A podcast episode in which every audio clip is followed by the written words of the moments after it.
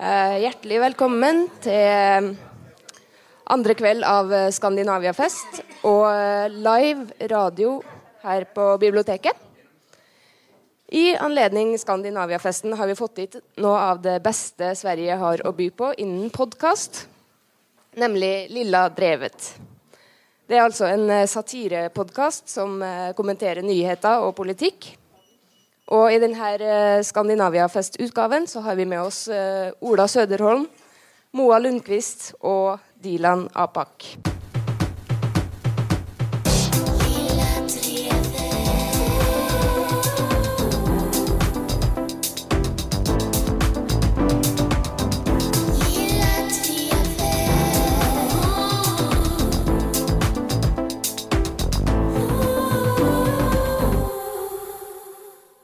Okej, då säger vi välkomna till det 128 Lilla Drevet, en samtidskommenterande podcast för... Ja, vi tar en applåd. En applåd. Tack så mycket. Lilla Drevet är en samtidskommenterande podcast för Aftonbladet Kultur som görs i samarbete med våra sponsorer Akademikernas A-kassa och fackförbundet Jusek. Och det här avsnittet då är Lilla Drevets eh, riktigt, riktigt stora internationella genombrott. Eh, för vi befinner oss i. i Norges näst största stad, Bergen. Eh, och vi är en liten del av en tredagars festival här på Bergens bibliotek som heter Skandinaviafest. Eh, och vi som är här är då jag, Ola Söderholm, Moa Lundqvist och Dilan Apak. Ja. Känns det bra för er? Ja. ja, känns jättebra första gången jag är med i Lilla Drevet. Så att Ja. jag är inte nervös, Ola. Nej, precis. Nej. Vi hittade en väldigt märklig inramning för Ja. avsnitt. Bra att sätta ribban högt. En underbar inramning. Okej? Men vi har ju en publik här som ni hör eh, och eh, jag vet inte riktigt hur, vi sitter här i ett café på Bergens bibliotek. Jag vet inte hur många, hur många av er här vet vad Lilla Drevet är och har lyssnat på det tidigare. Kan ni applådera? Eh, Ja. Ja, men det är ändå de flesta. Det är några som har blivit eh, överraskade utav vad som pågår här. Några som ville ta en kaffe. Ja. ja, vi har respekt för ifall ni smyger härifrån. Och det, det, det är helt kommer Okej. Gråta. Nej. Eh, och eh, hur många här är, är svenskar? Kan ni applådera? Okej. Det var bara hälften ungefär ändå. Det är riktiga Ja. norrmän här också. Vad här, vad exotiskt. Men jag har hört det från andra poddare, så alla mina kamrater och Della Sport, andra svenska poddar, att de har kört stand-up i Oslo. Ja. Och då har det varit slutsålt, men det har inte varit en enda norrman där. Jaså? Eller kanske en har det varit då. Men vi har ju riktiga norska lyssnare på den här podden. Nice. Det är Eh, så det är mäktigt. ballt. Att det inte bara är det här eh, gästarbetande svenska tjänstefolket. Eh, men, eh, men, jag, just det, men det har jag hört att det är faktiskt ganska få gästarbetande svenskar här just i Bergen Jaså? jämfört med Oslo. En av våra norska lyssnare, Ingvild, eh, länkade till en artikel om det på vår Facebook, en artikel i BT, tidningen här, eh, där det står att en av orsakerna till att svenskar väljer bort Bergen är för att de tror att det är svårare att förstå norska utanför Oslo. Ah. Eh, är det det? Nej, Nej. inte enligt lingvister. Okej. Det var en, en som var intervjuad i den här artikeln var en forskare på eh, universitetet i Oslo som uttalade sig om det här och sa att det finns egentligen inga lingvistiska belägg för att det skulle vara svårare för svenskar att förstå Bergendialekt, men att det bara är en väldigt stark föreställning som unga svenskar har, att jag förstår bara Oslo-dialekt. Okej. Eh, Men jag, jag tror det är en vanlig grej som svenskar säger eh, om, eh, om norska, att jag har inga problem med att förstå vanlig norska, Ja. men jag tycker att det är svårt med dialekt. Den där norskan, Mm, den precis. tycker jag inte om. Den som Eh. inte sköter sig. Eh, Men jag, alltså min teori eh, är nog att svenskar helt enkelt inte förstår norska så bra. Nej. Svenskar är ganska dåliga på norska och det svenskar tror är dialekt är vanlig norska. Det, är min Det låter teori. inte helt otroligt. Ja, exakt. Medan det svenskar tror är vanlig norska, det är när man pratar som Skavlan. Ja. Ja, ja, ja, ja, Ja. Att förstås. Man, Ja. att man har bytt ut liksom alla norska ord till svenska. Exakt. Jag förstår norska på så vis att jag förstår svenska med norsk brytning. Ja. för att jag har ett så bra språköra. Men så fort någon pratar riktig norska så är alla svenskar så här, vad är det här för konstigt bondska? vad är det för kufisk dialekt? Ja, vi är då här, vi är en liten del av den här festivalen, eller temadagarna som sätter fokus på eh, kultur och politik i Skandinavien. Eh, försöker slå ett slag för skandinavismen, Ja. vilket jag tycker är jättebra. Det älskar du. Härligt. Tycker du? Ja, men jag, jag tycker det är lite sorgligt med de skandinaviska länderna att de är så, de är så lika Men det är ändå ganska isolerad kärl på något sätt. Mm. Parallella universum. Att eh, ganska lite interaktion med varandra. Det är så onödigt på något sätt. Ja, alltså, även om sorgligt. hela Skandinavien bara var ett land, hade ju en, eller en kulturell sfär, det hade ändå varit en liten deppig ankdamm. Mm, Och så gör vi oss ännu deppigare genom att stycka upp det i ännu mindre delar. Eh, men jag vet inte, det, eller, det kanske är svenskar mest som har det här problemet att, eh, med den här avskärmningen. Att, att man eh, kan, eh, kan ni någon norsk kändis? Nej. Kan Ja. ni någon norsk politiker? Skavlan. Marcus och, Svaret är all, på alla frågorna. Det är Skavlan. och Skavlan. Och Kygo. Eh, och Marcus och Martinius, eller vad de heter. Ja, de är toppen. Ja, så att lite koll har vi, Ola. Jag vill säga att jag uppskattar att de tycker att svenska tjejer är sötare än norska. Jag tycker inte att det är kontroversiellt, utan lite smickrande. Och Det här härligt. säger de bara när de är i Sverige, tänker du? Nej, jag tänker att de alltid säger det, Ola. Att det är så, att det är så de känner, att det är inte publikfrieri. Ja, du menar så de åker till eh, Holland och säger att svenska tjejer är söta? Ja. De turnerar världen runt och säger det. You're okay, but the Swedish girls, oh yes. Yes sir. Ja, men så vi har lite koll som du hör. Ja, ja, ja precis. Men jag, tror, Men jag, jag, jag, tror, jag kände här i rummet att folk blev inte jätteimponerade. ändå. Nej, jag, faktiskt. Det var inga... Eh, nej men det är mycket Skavlan och någon skidåkare och så. Och, eh, och jag, jag, jag, jag vet inte vad, det är någon sådär, jag tror att vi har känt så när det gäller kulturella influenser att eh, vi behöver bara oss själva och USA. Tyvärr är det Absolut. lite så. Ja. Vi behöver bara oss själva och USA. Men nu efter tisdag så är vi ju klara med USA. Ja, det är vi ju. Det är över med USA. Ja, skönt. Inget mer USA. På så nu, tag. kanske, nu kan man tänka, vad finns det för bra norsk hiphop? Eller hur? Ja, visst. Att eh, skandinavismens tid är nu, känner jag. Tack och lov. Ska jag spela Tycker en sån här eh, stinger, eller? Ja, Lilla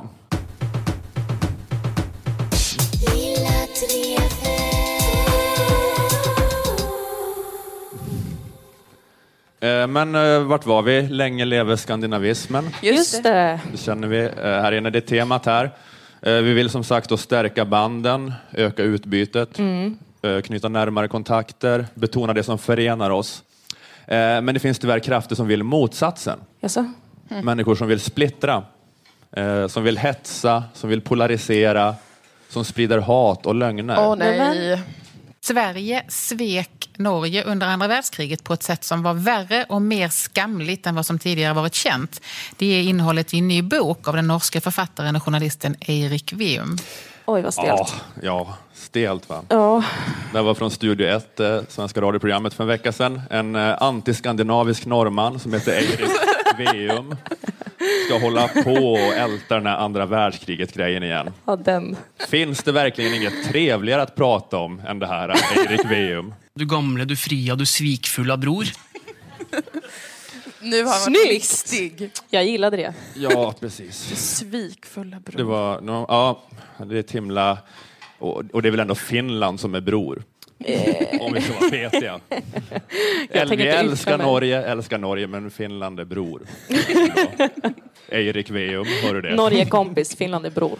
Eh, ja, men det ska pillas i det här då andra världskriget såret igen. Och eh, älskar Norge som sagt, men det finns kanske något norrmännen kan lära av oss eh, svenskar och det är att en svensk eh, tiger, Ja. vissa saker behöver man inte prata om. Nej. Man kan bara lägga känslorna i en burk, skruva åt locket hårt, hårt, hårt. Tjänar ingenting till att älta. Nej. Ja, men nu ska vi ändå göra det. Ändå, för att Erik Tydligen. Erik Veum var tvungen att öppna den här Ja, eh, burken. han har dragit igång det. Eh, Och eh, han eh, har skrivit den här boken då. Det, här är ju inte nyheter egentligen. Det har varit känt sedan gammalt med de så kallade tysketågen. Att tyska ockupationssoldater eh, fick åka tåg genom Sverige eh, när de skulle på permission. Eh, men det Eirik Veum säger är att Sverige gick Tysklands ärenden på många fler sätt och att det inte alls går att kalla Sverige för neutralt i kriget. Eh, vi kan lyssna lite på Erik, eh, olika sakerna han tar upp här. Eirik. Båndene mellom Tyskland og Sverige er veldig tette, og mye tettere enn svenskene selv har likt å snakke om. Det handler om et tett samarbeid mellom den svenske sikkerhetstjenesten og Gestapo. Det handler om å utlevere norske motstandsfolk som Gestapo tok livet av. Det er ikke tvil om at mange norske jøder kunne vært reddet hvis svenskene hadde åpnet for dem tidligere.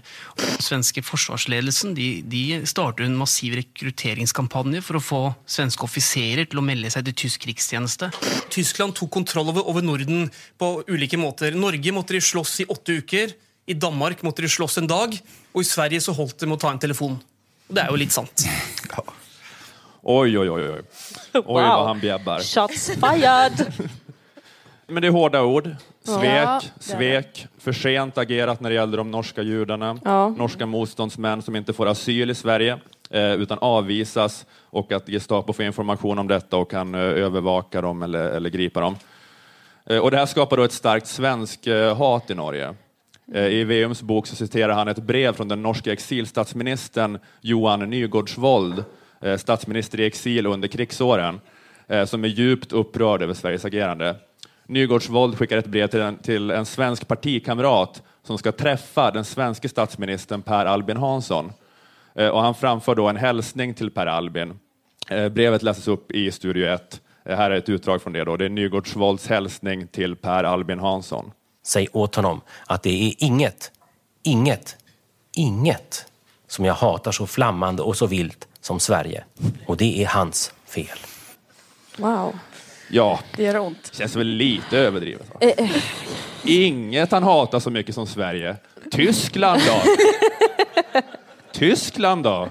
Okej att man hatar den fega medlöparen som inte vågar stå upp mot mobban. Ja. Men mobban måste väl ändå per definition vara värre? Ja. Ja, Eller hur? ja, det kan man tycka. Så- Absolut. Så trött på det här. Sverige, Sverige var så dåliga och fega och omoraliska. Tyskland då? Varför är det aldrig någon som pratar om Tysklands roll i andra världskriget? Bara Sverige hit och Sverige dit. Fy fan. Men, eh, måste vi då fråga oss, eh, är det en rimlig bild av hur det var som Eirik Veum målar upp? Eh, vi kan väl fråga en objektiv källa, svenska historikern Claes Åmark. Eh, är det, som jag läste i dagens eh, eh, BT eh, i anmädelsen, i recensionen av VMs bok, att eh, Sverige i praktiken var ett tyskt lydrike. Vad säger Claes Åmark? Är det en balanserad bild i i Eirik Veums bok? När du ser till hela bilden i boken, eh, tycker du att den är balanserad? Nej, den är inte balanserad. Nej, det är den inte. Nej, nej. Skönt, var det Skönt, utrett. då är det avklarat. Inte balanserad. Nej, men gud. Det Behöver inte höra sen. mer. Jag är övertygad. Claes Åmark behöver inte motivera det här för mig.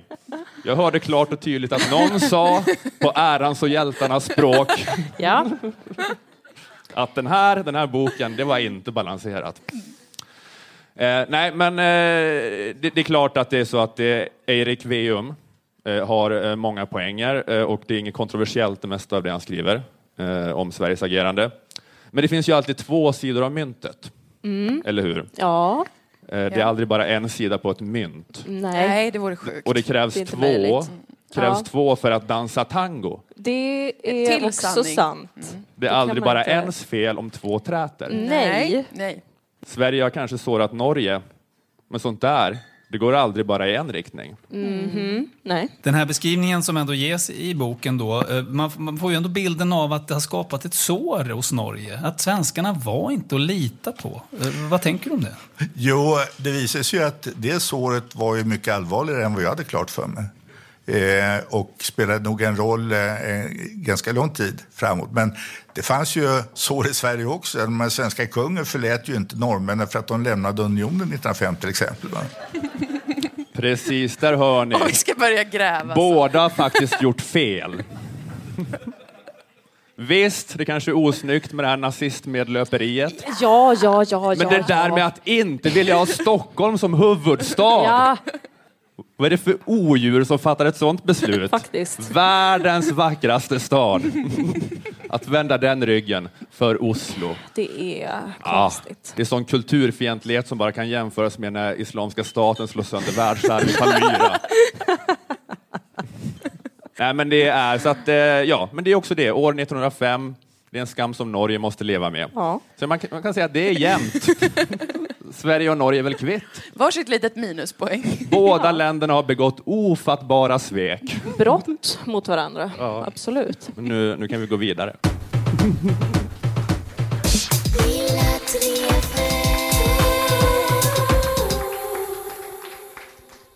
Okej, det låter kanske lite grann som matta applåder här, men jag skulle säga att det är ganska mycket att det inte var någon mikrofon som tog upp publiken, så de låter avlägsna. Den norska publiken gillade faktiskt ganska mycket att deras självständighetskamp liknades vid IS.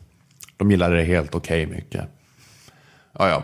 Anledningen till att jag avbryter här är för att jag vill berätta om våra sponsorer, Akademikernas A-kassa och fackförbundet Jusek.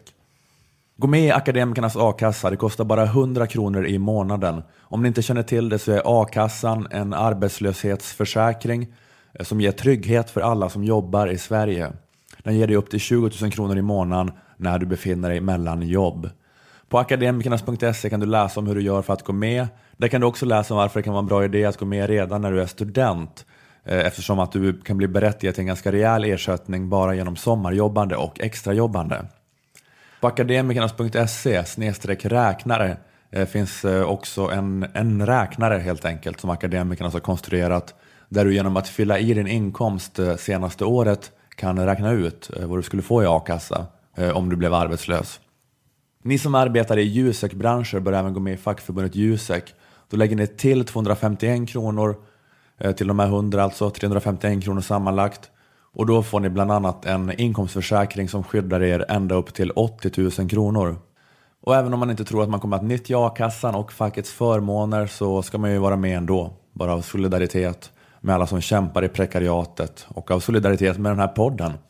Har du tagit steget och gått med i Akademikernas och snedstreck eller fackförbundet Jusek tack vare den här podden får du gärna berätta om det i sociala medier under hashtag Lilla Drevet. Du får också gärna skriva det i din ansökan till a-kassan snedstreck facket.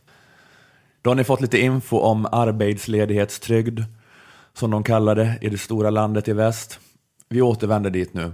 Åter till biblioteket i Bergen.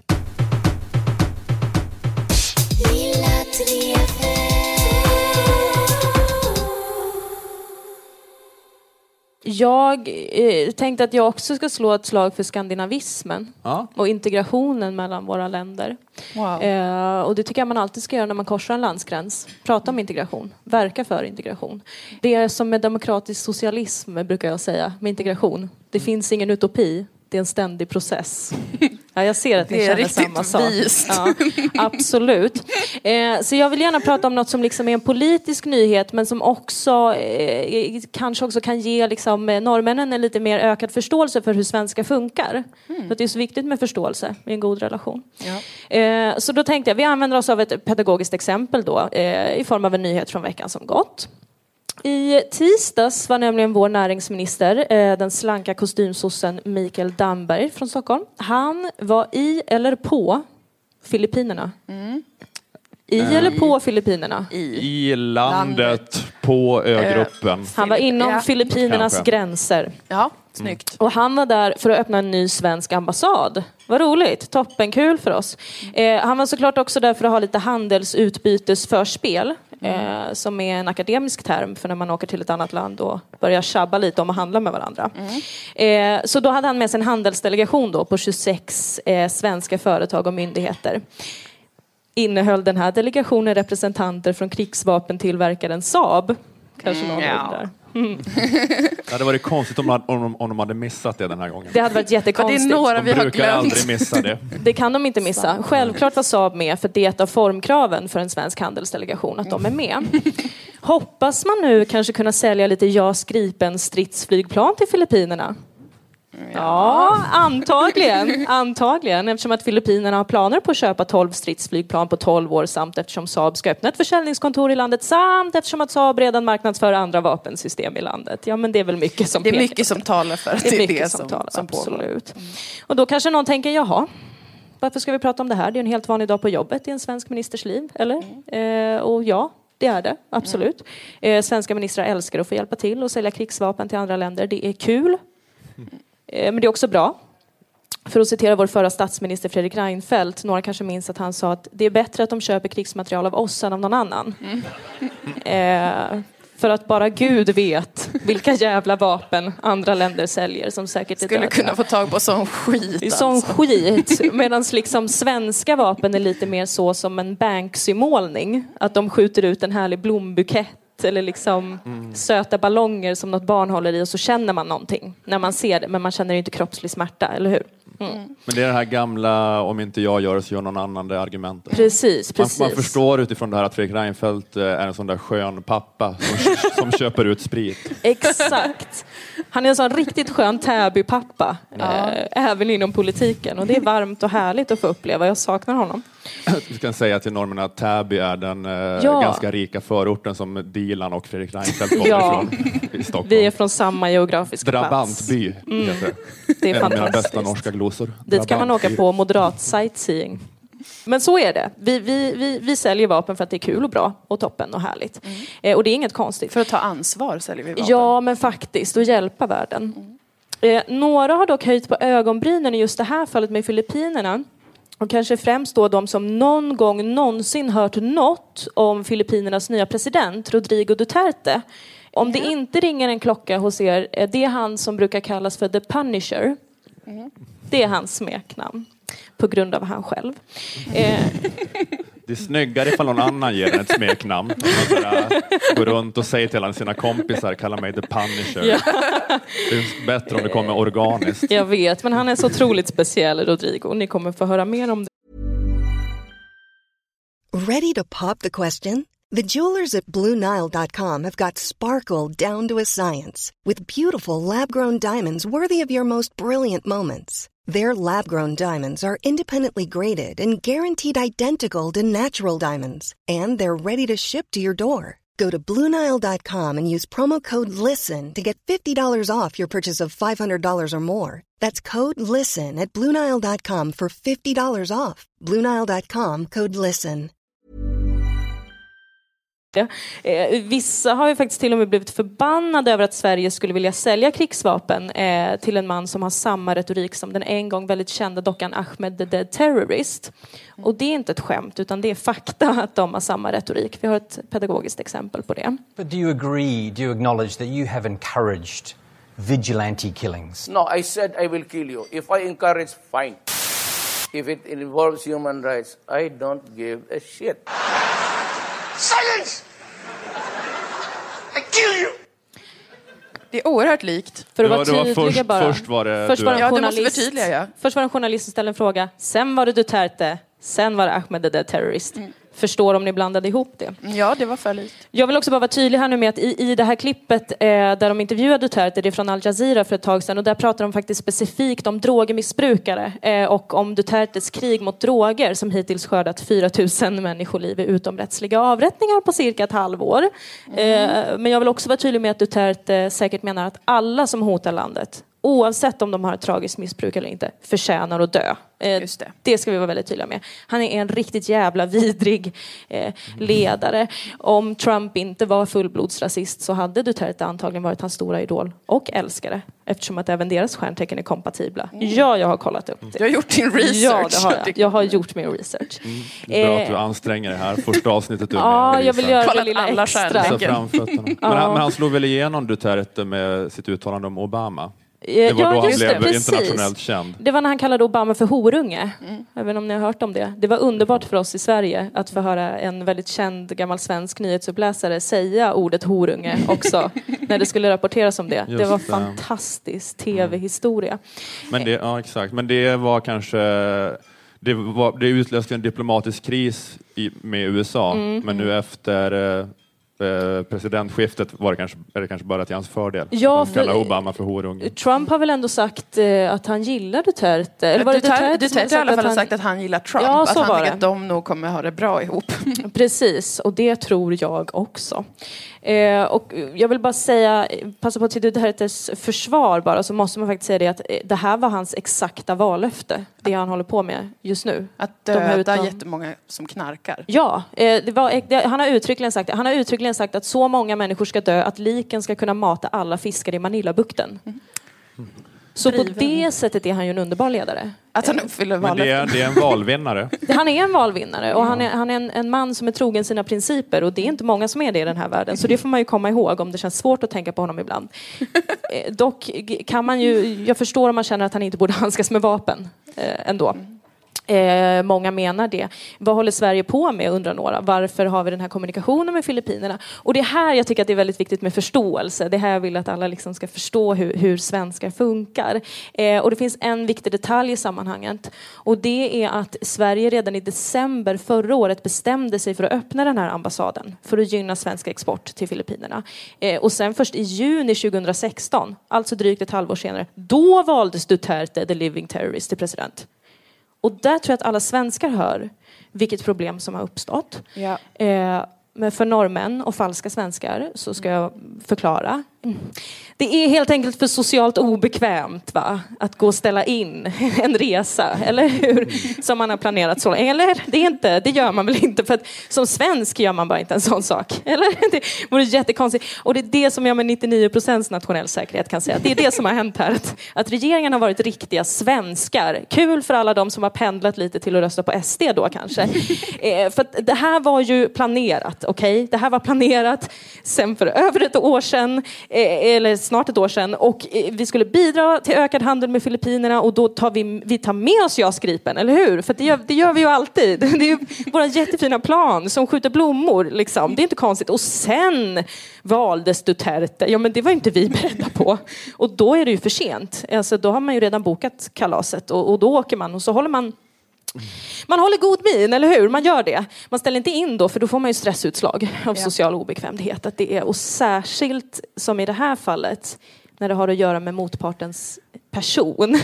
Man vill inte ställa in något för att liksom, ja, du har en personlighet av en psykopatisk massmördare. Det kan man ju inte bara, vore jättestelt att mejla det. Så att så är det ju också att vara svensk i allmänhet, att vara så pass socialt obekväm att man utsätter sig för terror.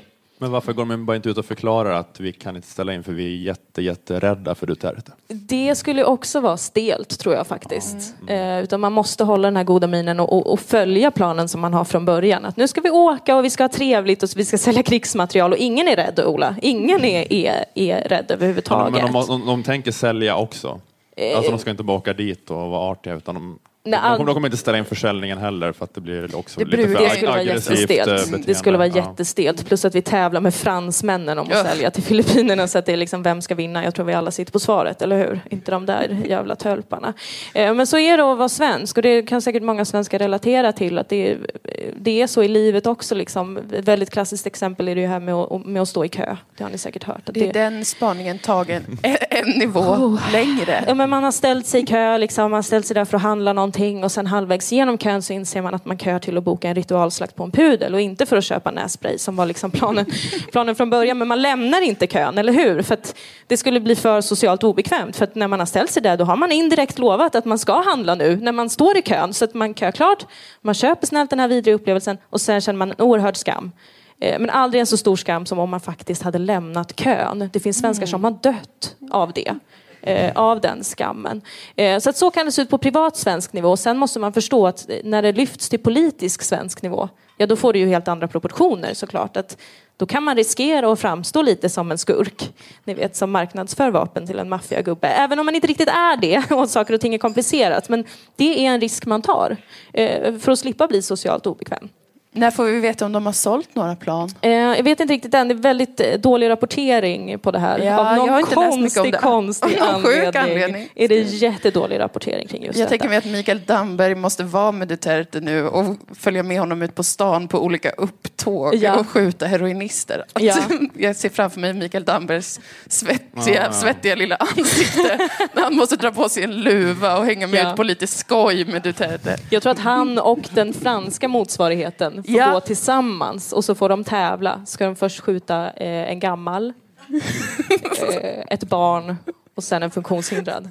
Eh, och alla är den franska missbrukare såklart. Alla missbrukare. Den franska bara, eh, det, jag vet inte hur I man have a pratar. revolver, no, oui. Och så måste Eh, Mikael. Damberg försöka steppa Och Micke upp. bara, ska vi ha ett klassperspektiv på det här? Nej okej, Nej, men, då, gör, då gör jag det här då. Kul. Men, bygg Sverige. Mm. Ja, det är jobbigt som svensk näringsminister, ska, som svensk näringsminister som ska bevisa att han inte är tråkig. Ja. Garanterat. Först Ja. sjunga karaoke, sen gå ut på en death Ja, hunt. och. Mikael Damberg bara, jag måste följa med. Man dör ju inombords bara av att tänka på det. Men, men absolut, förmodligen kommer det ju gå till exakt så. Ja. Och sen kommer Duterte skjuta den som förlorade. Och slänga i Manilabukten. Jag tror han håller på mycket med och skenavrättar Mikael Damberg. Så här, och sen så börjar Mikael Damberg gråta och kissa på sig. Så Ja. säger Duterte, "Vad, trodde du jag skulle göra det på riktigt eller? Att det är mycket sådana... Gud vad underbart hemskt såklart. Sådana härliga maktlekar som Mikael Damberg Mm. måste gå igenom där nu. För, Ja, för att, kunna, om- för att kunna, kunna kränga några JAS-plan. Om vi då blir de som får sälja JAS-planen så kommer ju det också bli mer intensivt tror jag. Att Duterte kommer vilja tuffa till oss så att säga. Ja. Ruska om. Ja, ruska om verkligen. Eh, Så det är en spännande politisk utveckling vi har framför oss hörni. Verkligen. Mm. Håll koll. Det går inte, men försök. Mm, men det är, Försök. norrmännen kan inte relatera för att den här oljan ger det här fuck you-kapitalet. Ja, de, de behöver inte åka till skurkdiktaturer och försöka och skjuta knarkare för att få sälja JAS-plan. Som alla andra länder på jorden Ja. faktiskt måste göra. Så där, check your privileges. Eller hur? Norge. Tack. Mm.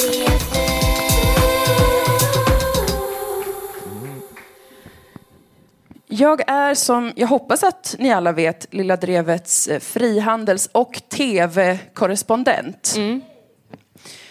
Det är ett hedersvärt uppdrag. Det är det verkligen. Självklart. Jag håller koll på frihandel och på tv. Och innan vi åkte hit så kollade jag riktigt mycket på tv. Norsk tv. timme efter timme satt jag och kollade på tv. Ehm, För jag tar mitt jobb på allvar. Och jag kollade på tv-serien Skam, som jag tänker att många här har hört talas om. En stor succé, en Folk tv-succé. viskar ja med andakt. Ja, det är så, ja, så himla helig stämning kring den jävla serien. Alla bara, ja, vi vet. Det är stor... Så mycket stönande av välbehag här. De ser framför sig en så nämner namnet på välgjord den scen tv-serien. från Skam. Gud vad det här fångar hur det är att vara 16. Jag måste bara stöna. Ja, men Skam är ju då en ungdomssatsning, ett, eh, en tv-serie som handlar om eh, några 15-åringar och deras liv och sådär, cirkulerar kring eh, kärlek och fester, studier kanske, allt sånt här som, som alla, utom jag själv, upplevt under tonåren. Så det är många som tycker att det är, oj vad bra det är, säger folk. Jag Ja. förstår personligen inte, men jag har sett på det eh, som en del av mitt jobb, alltså. Och det har ju blivit en vansinnig succé. Danmark är tokiga i serien, tror jag. Jag förstår inte exakt vad det står, eh, eller vad de säger. Eh, Finland älskar Skam.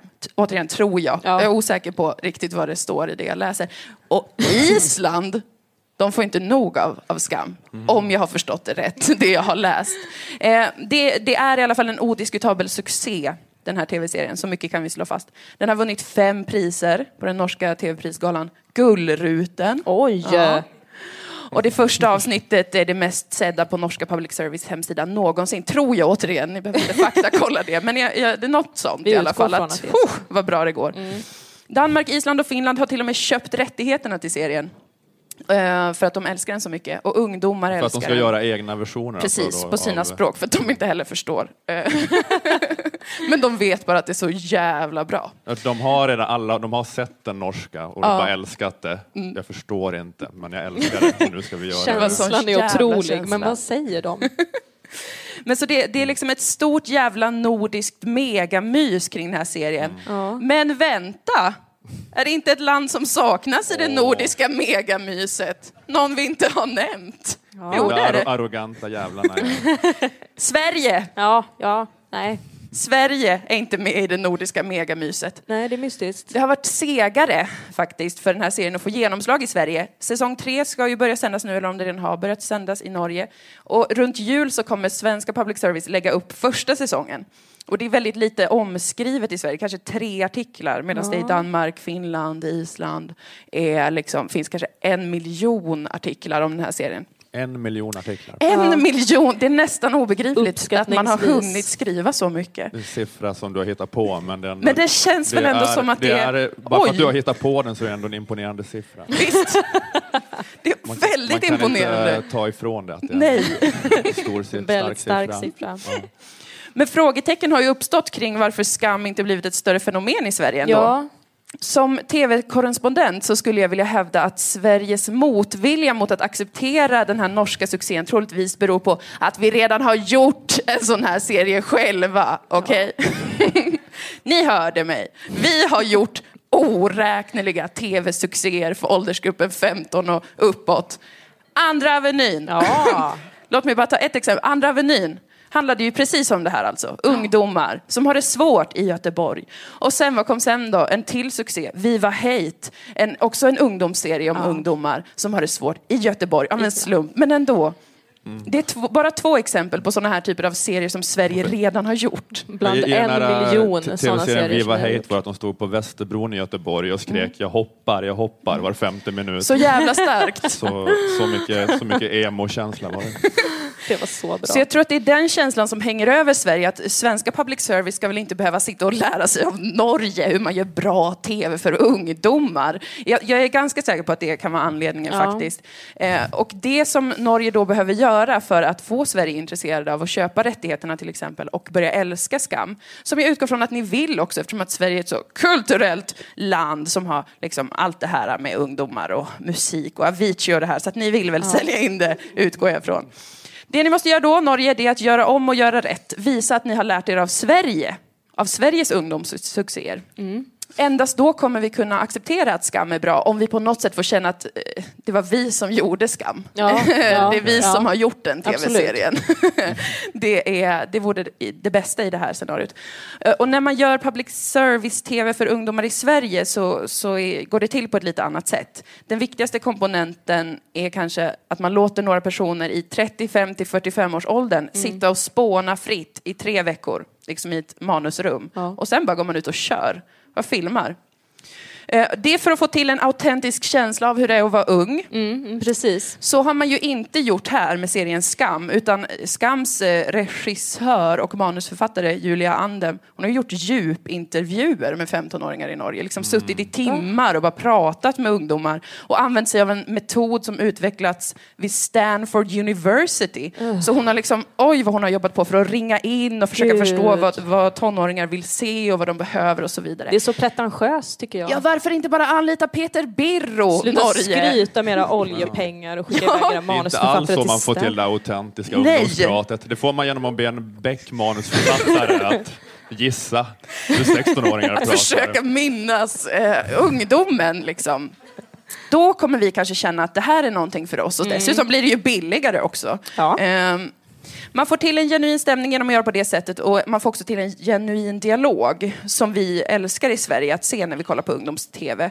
Vi, jag ska ta ett exempel från Viva Hate just då, eh, som handlar om en tonårskille då. Nej, det handlar om några tonåringar. Och det, i den här scenen så kommer han hem till sin mamma, tror jag att det är. Som sagt, jag har kollat på mycket tv, men jag har inte riktigt vet vad jag kollar på. Eh, han kommer hem för att prata om sina problem och då får vi höra exempel på en väldigt naturlig, genuin dialog som bara kan komma från svenska ungdomssatsningar. Du skyddar dig väl? Så att hon inte blir med barn?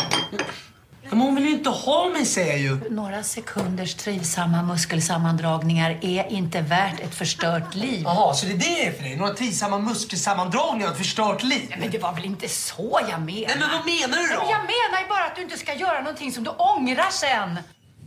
Då hör ni säkert här vilken, vilken genuin typ av dialog som eskalerar väldigt snabbt Ja. också. Eh, att, att det är mycket det vi är vana vid att se. Att det börjar med bara liksom, börjar lite low key och sen på tio sekunder ska det eskalera åt helvete alltså. Ja. Där, där folk är beredda att skrika rakt ut och rusa ut ur rummet. Och den här typen av, eh, vad ska man kalla det, stämning eh, är det vi gillar i Sverige när vi kollar på ungdoms-tv. Och den får man då genom För att vi minns att vi hade det där blommor och bin-samtalet med mamma. Mamma, Vi stod och skrek jag om tror att jag har fått... muskelsammandragningar i underlivet. Det känns så himla äkta, faktiskt. Verkligen. Så det, gör lite mer så kanske. Och sen så för att ungdomar ska älska en tv-serie så är det också väldigt viktigt då med känsla, alltså riktig känsla. Vars finns känslan i skam? Vars finns känslan av att det är Dramaten-skådisar som läser upp en eh, text för att de har haft en ekonomiskt svår höst. Ja. Vars finns den känslan? Frågar vi oss i Det är Sverige. en väldigt bra fråga. Det känns otryggt tycker jag med något slags autentiskt samtal mellan tonåringar som bara pratar som om det inte är något konstigt. För att ha en tv-succé så ska man liksom ha den här riktigt forcerade, uppstaplade dialogen av Dramatens skådisar som bara, ja men inte haft det så bra på senaste om man ska vara helt ärlig med sig själv. Och i Andra Avenyn som är en annan sån här de, succé. De här, de här låter inte alls som de finansierar sitt kokainmissbruk. Det- det är den tonen. Ja. Men det som Skam också har gjort är att de, de fokuserar bara på tonåringarna, va? på de här karaktärerna. Men i till exempel våran stora succé Andra Avenyn, där fokuserade man ju lika mycket nästan på de vuxna. Så det, det uppskattas också väldigt mycket. Eh, att få höra om de vuxnas eh, problem och då otrohet och sånt. och också höra dem läsa upp det, de här Dramatenskådisarna. Det här gillar vi, så här ska det låta. Som jag ser det så behöver ni öva på att ge varandra bekräftelse. Det går till så här. Du säger till Roland, jag blir ledsen när du tittar på porr. Kan du se det? Ja, svarar Roland. Jag förstår att du blir ledsen när jag tittar på porr. Tack, säger du. Och så är det din tur. Du säger, jag blir ledsen när du kallar mig för gris. Kan du se det? Det här är en väldigt autentisk scen från en parterapi som var med Wow. i Andra Avenyn, som vi alla blev berörda av. Ja. För vi kände att det var så naturligt på något plan och liksom inte alls eh, forcerat. Eller lite forcerat, men på ett skönt sätt. På ett så lite avslappnat vis. Mm. Och det är så man gör riktig ungdoms-tv och det har vi ju vetat i Sverige sedan ja, eh, 2000-talets början Ja. egentligen. Så att för att vi ska vilja ha Skam och köpa den här tv-serien så gör om, gör rätt Norge och så får ni in lite av de här eh, dimensionerna eh, med det här, eh, ja, Peter Birro kanske. Hur mycket skam har du sett? Nästan alla avsnitt. Okej. Mm. Jag såg första avsnittet nu precis bara. Mm. Men det verkar ju jättebra. Det är fruktansvärt bra. Superbra. Det är så Det var en grej, det var en grej jag tänkte säga att det här var att det var väldigt att det var specifikt norsk stämning. Att det var, jag såg det första avsnittet så var det en kille och han var ihop med en tjej och så skulle de åka på hytta till Ja, helgen. De skulle åka på hytta och sen så skulle killens kompis hade inget att göra i helgen så han höll på att tjata på sin tjej, kan inte han få följa med på hytta? Vad är hytta? Det är åka till stugan. Jaha, ja, typ ja. på svenska. Ja, det var ju logiskt. Eh, och då var, gick tjejen till slut med på det. Ja, ja, Björn kan väl få följa med till hytta då. Och då Ja. sa han det. Björn, du får följa med till, hytt, du får följa med till hytta. Så de bara, wow, high five! Oj. I en kände, det här är lite, svensk det här är serie hade det låtit stämning. annorlunda. Det Ja. är high five på hytta sådär. Det kanske är därför det är svårt att relatera. Ja, och för att de inte bara sa så här. ehm, en har fått ett sms, den andra säger du älskar inte mig egentligen. Sen börjar det bara ett skrik, sk- en skrikfest som bara eskalerar i att någon rusar ut och välter ett bord. Ja. det är det vi är vana vid.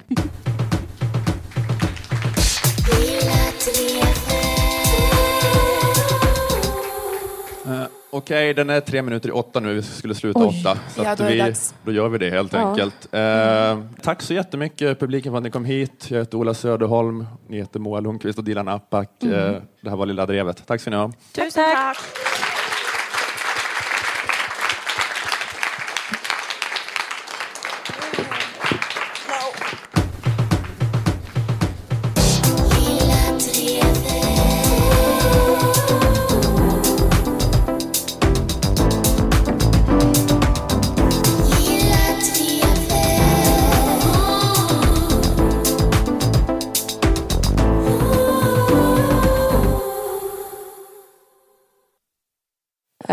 tusen takk til eh, Lilla Drevet.